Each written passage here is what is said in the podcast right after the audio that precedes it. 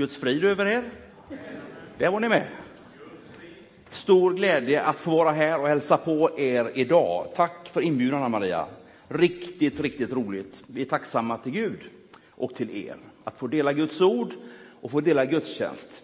Det stämmer som Anna-Maria säger att jag tänker ta fokus på andens kraft den här förmiddagen i predikan. Kanske på ett lite annat sätt. Det är ju så här att när man skulle slå upp ordet kraft i ett uppslagsverk så skulle du kunna få den här betydelsen att det är något yttre, en påverkan som sätter något annat i rörelse. Och så tänker jag den här gudstjänsten, den här predikan. Att vad gott det är att få en himmelsk knuff. I den godaste av alla meningar. Alltså en, en påverkan ifrån Gud själv. Han som älskar oss. Det var väl bra? Ja. Och sen kommer ni att förstå i texten att jag ska predika väldigt länge idag. För jag har valt ett sådant sammanhang så Paulus han höll på ett halvt dygn, så bara så att ni vet. Så innan vi gör det så är det lika bra att få, få lite blodcirkulation i kroppen. Och då får ni gärna stå upp nu och hälsa på minst två. Och innan ni gör det, så har ni en uppgift, nämligen att säga till minst två då på rikssvenska, gött att se dig. Klarar ni av det? Varsågoda.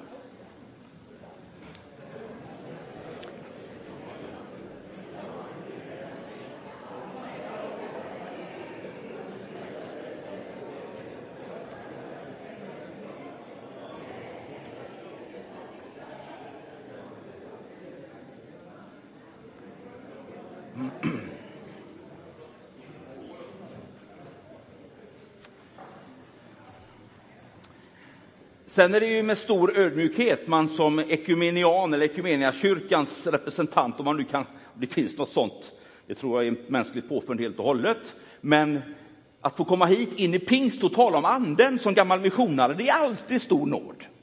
För det här är ju ett område som ni kan. Eller hur?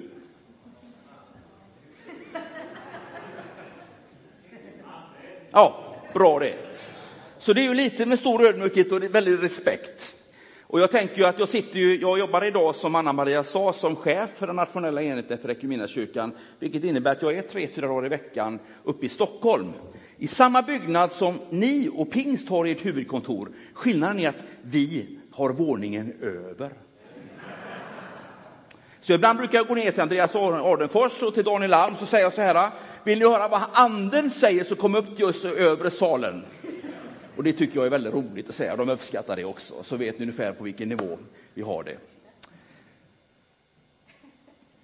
I Romarbrevet kapitel 10, vers 17 så säger Paulus något väsentligt som förklarar vad vi nu är med om. Så står det så här, så bygger tron på förkunnelsen och förkunnelsen i kraft på Kristi ord. Och när man läser det ordet så är det speciellt, för det förklarar predikans absoluta nödvändighet. Som inte är ett tal, som inte är några berättelser, utan som har sitt ursprung i Guds ord och vill göra någonting när det förkunnas. Alltså det händer något i, text, i grundtexten mellan förkunnarens mun och åhörarens öron som vill landa i våra liv som föder tro och göder tro. Det är predikans roll. Ska vi be att det får ske nu, Jesu namn. Herre, jag tackar dig, Herre, för ditt ord som är levande och verksamt och som är till nytta för oss för att vi ska bli frälsta. Så tackar Herre för att vi läser i ditt ord att just ditt rike är inte bara ord, utan kraft till frälsning, till upprättelse, till förlåtelse, till nåd, till helande, tecken och under. Herre, vi vill vara i ditt kraftfält, Jesus. Där den varma vinden ifrån himlen bara rör vid oss just nu. Så vi får gå härifrån mer älskade av dig känslomässigt, erfarenhetsmässigt, än när vi kom hit. Tack att vi får vara inför dig, Jesus, du som bara älskar oss. Amen.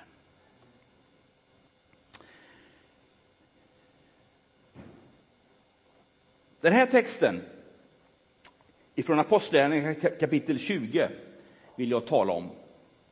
Och I kyrkan så har vi, bara för lite information så att ni vet vad som händer i Britvårdskyrkan där borta, så har vi nu kommande år Apostlagärningarna i fokus. Och det behöver man inte säga till er pingstvänner, för det lever ju med jämt. Men vi gör ju inte alltid det. Så därför har vi satt ett nationellt påfund uppifrån att det här året ska vi ägna oss åt apostlagärningarna. Och det är ju andens brev. Och det är intressant. Men så finns det en del versar och en del sammanhang som man liksom inte alltid läser och kanske inte som förkunnare alltid predikar över, för de är lite, är lite svårt.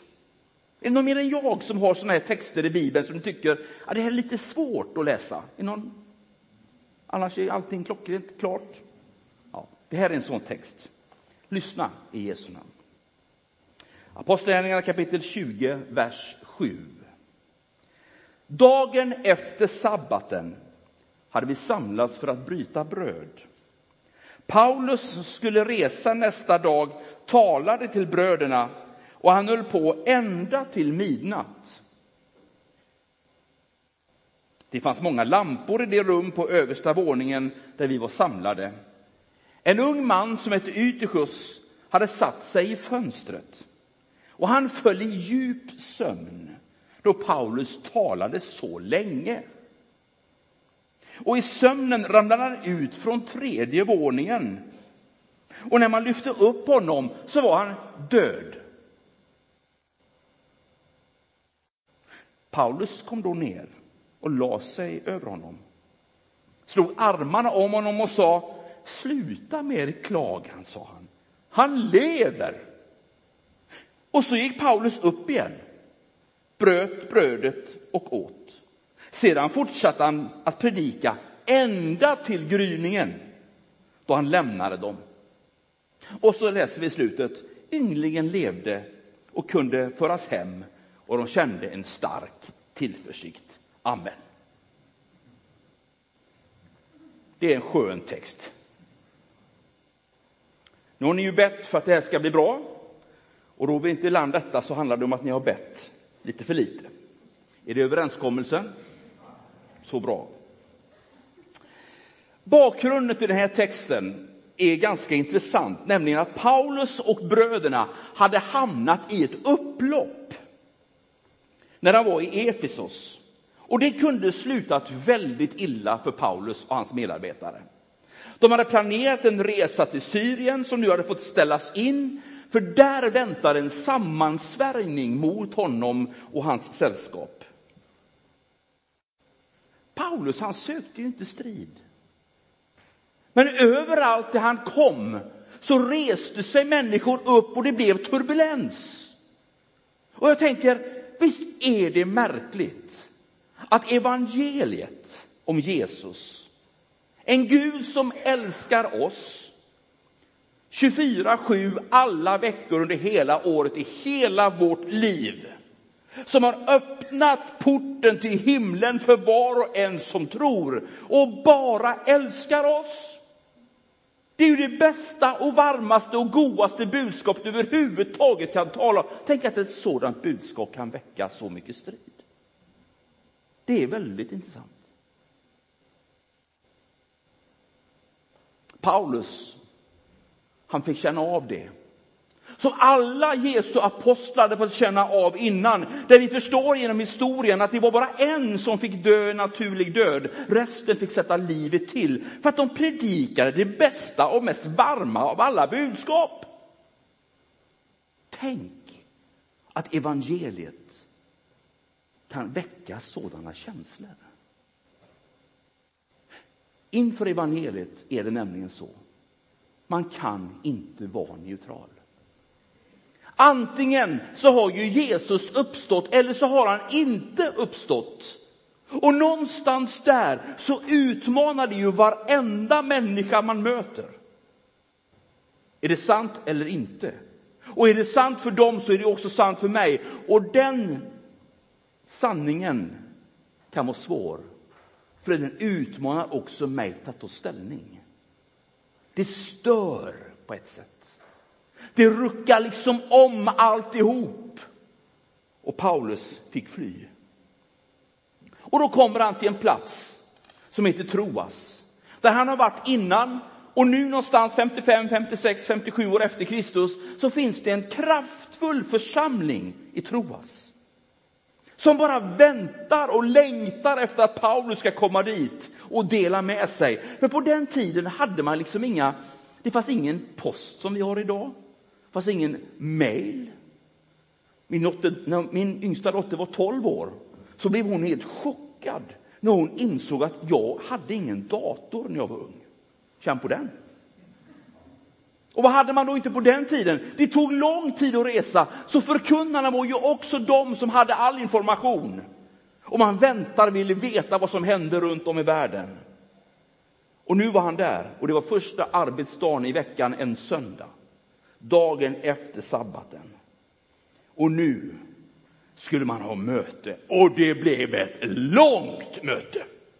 Så var bara förberedd på det nu att nu ska vi göra som står i ordet, nu ska vi ha långa möten. Ja, bra. Då blir det ett långt möte. Det är väldigt intressant med Guds ord, för det här är en ögonvittnesskildring.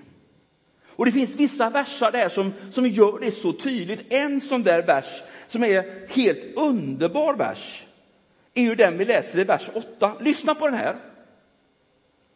Det fanns många lampor i det rum på översta våningen där vi var samlade. Punkt. Om du finns här nu som inte har ett favoritbibelord så kan du ta det till dig. Apostlagärningarna kapitel 20, vers 8. Det är ett starkt ord. Det fanns många lampor i rummet. Fullständigt ointressant egentligen utifrån evangeliets vara eller inte vara. Men det berättar någonting. De var där. De noterade detaljer. Det var en ögonvittnesskildring. Och Lukas som skriver det här, han visste just det här. Man skulle kunna göra det lite fromt och säga så här, man vill understryka om att när kristna möts så är det inte på ett skumt sätt, utan det är ljus. Tänker inte kanske att Paulus var så, eller Lukas var så noga med det, men ljus är ju annars en väldigt bra detalj när evangelium predikas.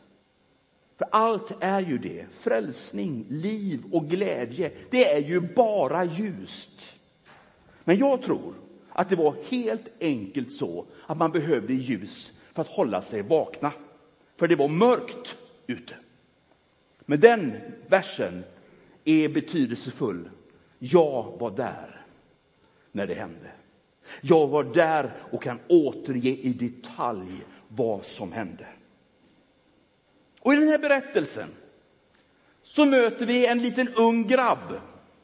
Och en ung pojk som är någonstans mellan 8 och 14 år heter på grekiska pais. Så har du talat om ordet pajsare någon gång? Känner du igen det? Har vi några pajsare i kyrkan? En pajsare i min värld där jag växte upp, det är en sån där grabb som inte liksom gör som alla andra. Och hade vi haft en pajsare så hade han suttit antagligen på läktaren med ett ben över relingen, eller på att säga, över staketet. Eller gjort något annat. Lite mer liv och rörelse än alla andra, då är det en pajsare. Och den här texten beskriver det. Och han har ett namn, Ytychus. Och han vill ju vara med. Han hade ju hört om Paulus, som nu skulle komma dit. Och han är säkert artig. Ge plats till de som är äldre. Så lärde jag mig när jag åkte med mamma på spårvagn i Göteborg. Kommer det någon som var äldre än mig, du får aldrig sitta på en stol, upp med dig. Så var det på den tiden. Någon som var med om det? Nej, det var bara du och jag. Och du. Resten sätter sig alltid först. Ja. Ytikus, han var artig. Han gav sin stol eller sin bänk till någon annan och så tänker han, jag sätter mig i fönsteröppningen. Självklart satte han sig i fönsteröppningen och man kan bara se och ana hans föräldrars oro. Varför kan han inte vara som alla andra? Varför ska han sitta där på tredje våningen? Men han vill vara med. Och så lyssnar han. Och timme efter timme efter timme går. Och till slut så händer det där. Pojken somnar. Har du gjort det på något möte någon gång?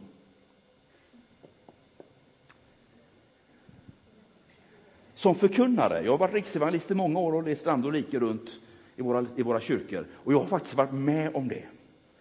En plats, det var en som snarkade så gött i mötet. Och det brukar inte hända när jag predikar, men han lyckades. Och han såg så gött så vi fick bara stanna upp och bara njuta av denna vackra sång. Så att det snart puttade honom på sidan.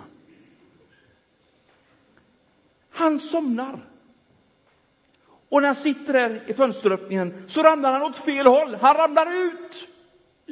Och ramlar ner från tredje våningen. Och man lyfter upp honom så är han död.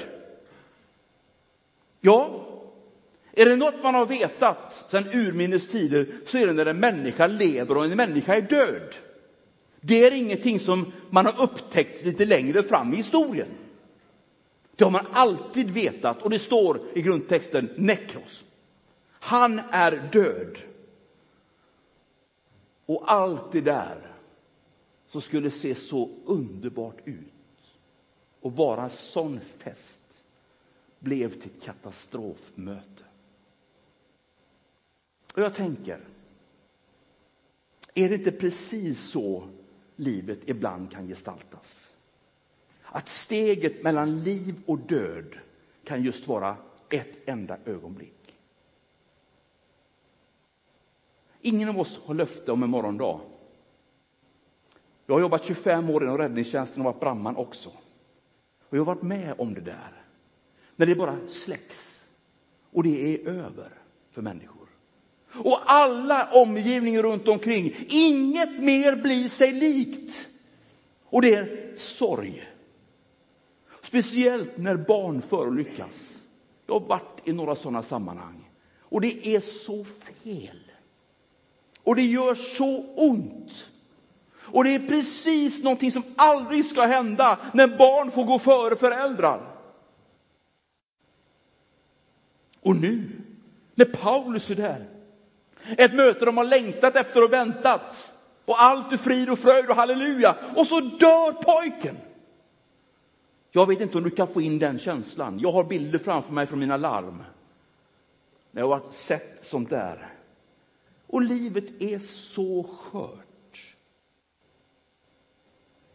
Det vi tar för givet kan gå sönder och det kan gå så fort. Den vardag vi lever i är så bräcklig. Där i texten hamnar vi och Paulus kan ju inte bara fortsätta som vanligt, utan han går ju ner för trapporna och går fram till pojken. Och vad gör han? Han säger inget direkt, men han lägger sig på pojken. Jag vet inte vad ni har för utbildning och pastorer i pingst. Men om jag skulle lära, i min pastorsutbildning så lärde vi oss att om någon dör så går du inte och lägger dig på den. Då hade du inte blivit pastor i kyrkan, jag lovar dig. Så gör man inte. Utan då lägger man upp det lite snyggt, tänder ett ljus och läser ett ord och så är det frid och fröjd. Eller något. Paulus, han la sig på pojken. Och så säger han, sluta med er klagan. Han lever. Och sen gick han upp och fortsatte äta, och predika. Hallå? Gör man så? Ja, Paulus gjorde så. Det är precis det som Lukas skriver i texten. Pojken var död i ena versen och han lever i den andra versen och i slutet noteras det med att ynglingen levde och kunde föras hem. Och man kände stark tillförsikt. Hallå, stark tillförsikt är väl lågt skrivet. Men Paulus, han hade varit med. Han hade mött Jesus. Han hade slagits av hästen på väg till Damaskus. Han hade mött Gud i kraft. Och han kunde texterna. Han var ingen som man slog på fingrarna eller de gamla testamentliga texterna. Han hade hört om profeten Elia i första Konungaboken 17. När Elia faktiskt gjorde så, la sig på en död som fick liv. Han hade hört om profeten Elisa i andra konungaboken 4 som gjorde likadant. Så det var inte utanför Guds ords ramar. Och ändå, hur kan man göra så? Vi som vill tro på den här boken och hävdar att den är Guds ord, visst ibland utmanar den oss. I alla fall mig. Paulus hade varit med. För några år sedan så hade vi i Fiskebäcks missionskyrka en evangelistkonferens. När vi riksevangelister, då Missionskyrkan, bjöd in evangelister från alla våra samarbetskyrkor runt om i världen. Och det var fantastiska dagar. När evangelister kommer samman, då är det inga långa startsträckor. Då är man igång direkt. Och så var det också där. Den ena efter den andra berättar om, om glädje och segerrapporter runt om i värld. Också om kampen. Och så avslutningens gudstjänst. Så var det dags för en som kommer att bli en väldigt nära vän till mig, pastor Gö från Kina, pastor i Wuhan. Som för 20 år sedan startade en bönegrupp på 25 medlemmar och idag är kyrkan i åtta våningar och träffar tusentals och tusentals varje vecka där man har gudstjänst varenda dag och kyrkan är knökad. Man har startat mängder av församlingar. Det sker i Kina. Pastor Gö, hon predikade. Hon var så kort som fick ställa sig på en pall för att komma upp över predikstolen, ungefär så här. Och så predikar hon. Och så sitter vi riksevangelister längst fram och känner kyrkan är fylld. Och det är underbar atmosfär. Tills pastor Gö talar om en 17-årig pojk. Som dog. Och så sa hon bara i förbifarten, ja vad gjorde vi då som pastorer? Vi ställde oss runt och bad och helt plötsligt fick pojken liv. Då tittade vi på varandra. Karl-Olof, Lislott, Britta, Göran Holmberg och jag tittade på varandra. Jag menar, det är ju en sak att vara... Det är ju en sak om så här skulle predikas i pingstkyrkor. Det sker ju varenda söndag. Men nu sitter vi i missionskyrkan. Och här talar man inte så här hur som helst, tänkte vi. Det här måste vi kolla upp. Och det gjorde vi. Så vi skickade fram vårt starka kort, Liselott J Andersson. Kan du kolla upp den här pastor Gö. Så smög hon fram, ni vet som Liselott gör, knackade lite försiktigt på pastor Gös axlar och frågade hur var det där med den här 17-årige grabben? Varpå pastor Gö svarade 11 times. Elva gånger har hon varit med om ett sådant under i Kina. Och när jag då och Jeanette fick förmånen att åka ut för några år sedan och fick välja vilket land vi åkte till, vart tror ni jag ville åka? till Kina, till Wuhan och få känna in och se Guds kraft i rörelse. För Guds rike är inte ord, utan kraft. Och jag anar att det finns mer hos Gud än det jag har upplevt och upptäckt här i Sverige. Gud, hjälp mig att inte rama in dig för litet. Det var en omskakande predikan. Och tron utmanas. Och självklart så är det inte sådana här miljöer vi är vana vid i vår kontext. För då ringer man ju 112 och då kommer ju räddningstjänsten som också samarbetar med Gud. Jag är helt övertygad. Men däremot så är det inte ovanligt, mina vänner, att människor faller ur ramen. Att från ena stund till den andra så tar livet sig en annan riktning. Där erfarenheten och känslan kan vara att nu håller det på att dö inombords. Något händer och jag känner mig inte med längre. Jag är utanför, ramlar till marken, slagen och död. I alla fall andligen. Och det kan finnas i våra liv tänkte på det när Jeanette sa i början, om man är perfekt eller inte perfekt. Jag tror inte att det finns någon perfekt människa. Finns du här?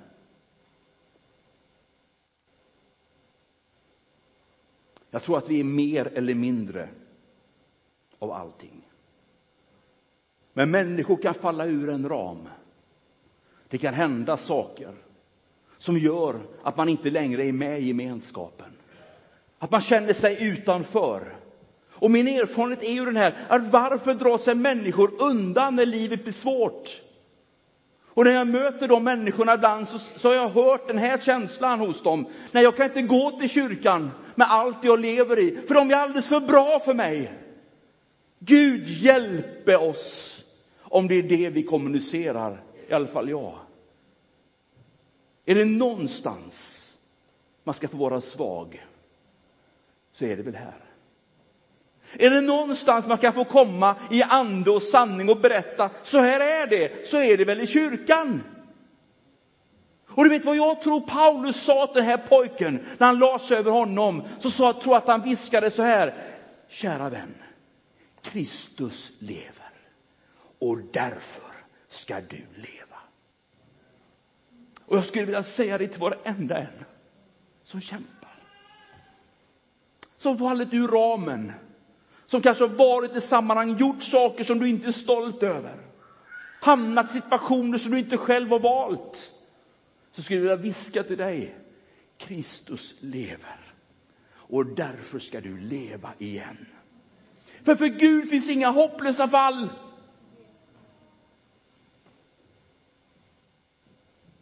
Och när han hade sagt de här orden så kommer Guds livsande och blåser liv i det som ser dött ut. Guds kraft, mina vänner, kan åstadkomma under och tecken. Ett möte med Jesus och hela livet kan ta en annan vändning. Det är honom vi är inför idag. Som har sådana resurser så att vem som helst, i vilken situation som helst, kan ryckas upp och få livet tillbaka. För han lever och därför ska du leva. I Jesu namn. Och man märker i texten att det händer något. Ni vet, I vers 7 så står det att han kom dit och talade till bröderna.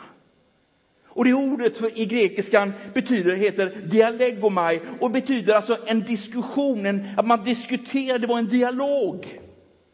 Precis som det är när man har samkväm i kyrkan, eller vad nu heter i pingkyrkan, ingen aning. Man har sam, ja, gemenskapskvällar. Man har trevligt ihop. Och man frågade Paulus och han svarade, det var gemytligt, som det, som det bara kan vara i våra kyrkor. För här är det varmt. Det var god gemenskap. Men efter undret med pojken så hände något. Från att ha varit på en ganska ytlig skörd nivå så står det att Paulus gick upp och fortsatte länge att predika. Och där kommer ett annat ord, homileo. Som, som har att göra med att nu helt plötsligt så var det ett budskap ifrån Paulus mun som var sanktionerat ifrån himmelen själv. En predikan. Tro kommer av förkunnelse och förkunnelse i kraft av Kristi ord. Och jag längtar efter mer av Andens yttringar i våra liv, i våra kyrkor. Där under och tecken får vara med om det mer. Jag längtar. För det gör något med oss. När de här gränserna på något sätt sprängs av Guds närvaro och du får göra ett möte med Jesus. Det sker något i våra gudstjänster när under sker. Och nu satt de där och pojken var där. Han var ett levande vittnesbörd på Guds kraft.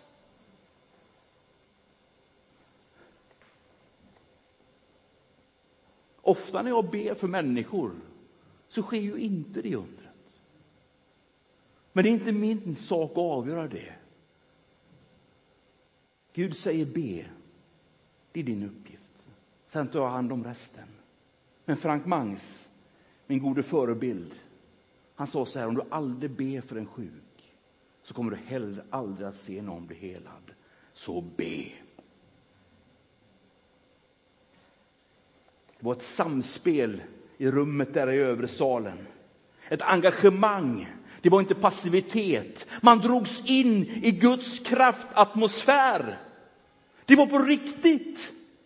När Gud upprättar, när Gud helar och när Gud frälser, då är det på riktigt. Och man var berörd.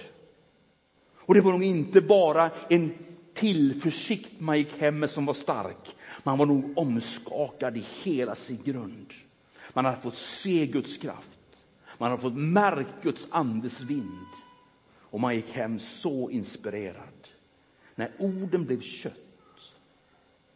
När orden blev kraft som berörde människor. Så blev det ett möte som världshistorien aldrig kommer att glömma. Skrivet från några som var där och vittnade om det. Och det är vår uppgift, mina vänner, att få vittna om Jesus så att fler får dras in i hans goda atmosfär av liv och frälsning och av kraft. Alldeles strax ska jag be en kort bön. Jeanette ska sjunga en sång. Och sen ska vi öppna upp böneplatserna som ni har här i kyrkan.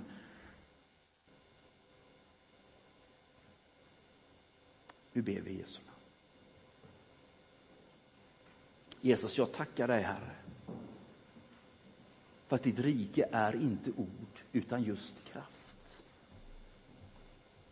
Och tackar dig när vi samlar i ditt namn så är du mitt ibland oss Jesus. Och Herre, tackar du som känner oss alla vid namn vet hur vi har det. Och till dig får vi komma med allt vi äger och har. Och inte nog med det, utan du är också den som söker upp. Precis som Paulus som gick utanför husets väggar, sökte upp det som var förlorat och det som hade ramlat ur och ramlat bort och vann det tillbaks till dig, Herre. Och nu ber jag om en sådan stund. I Jesu namn. Amen.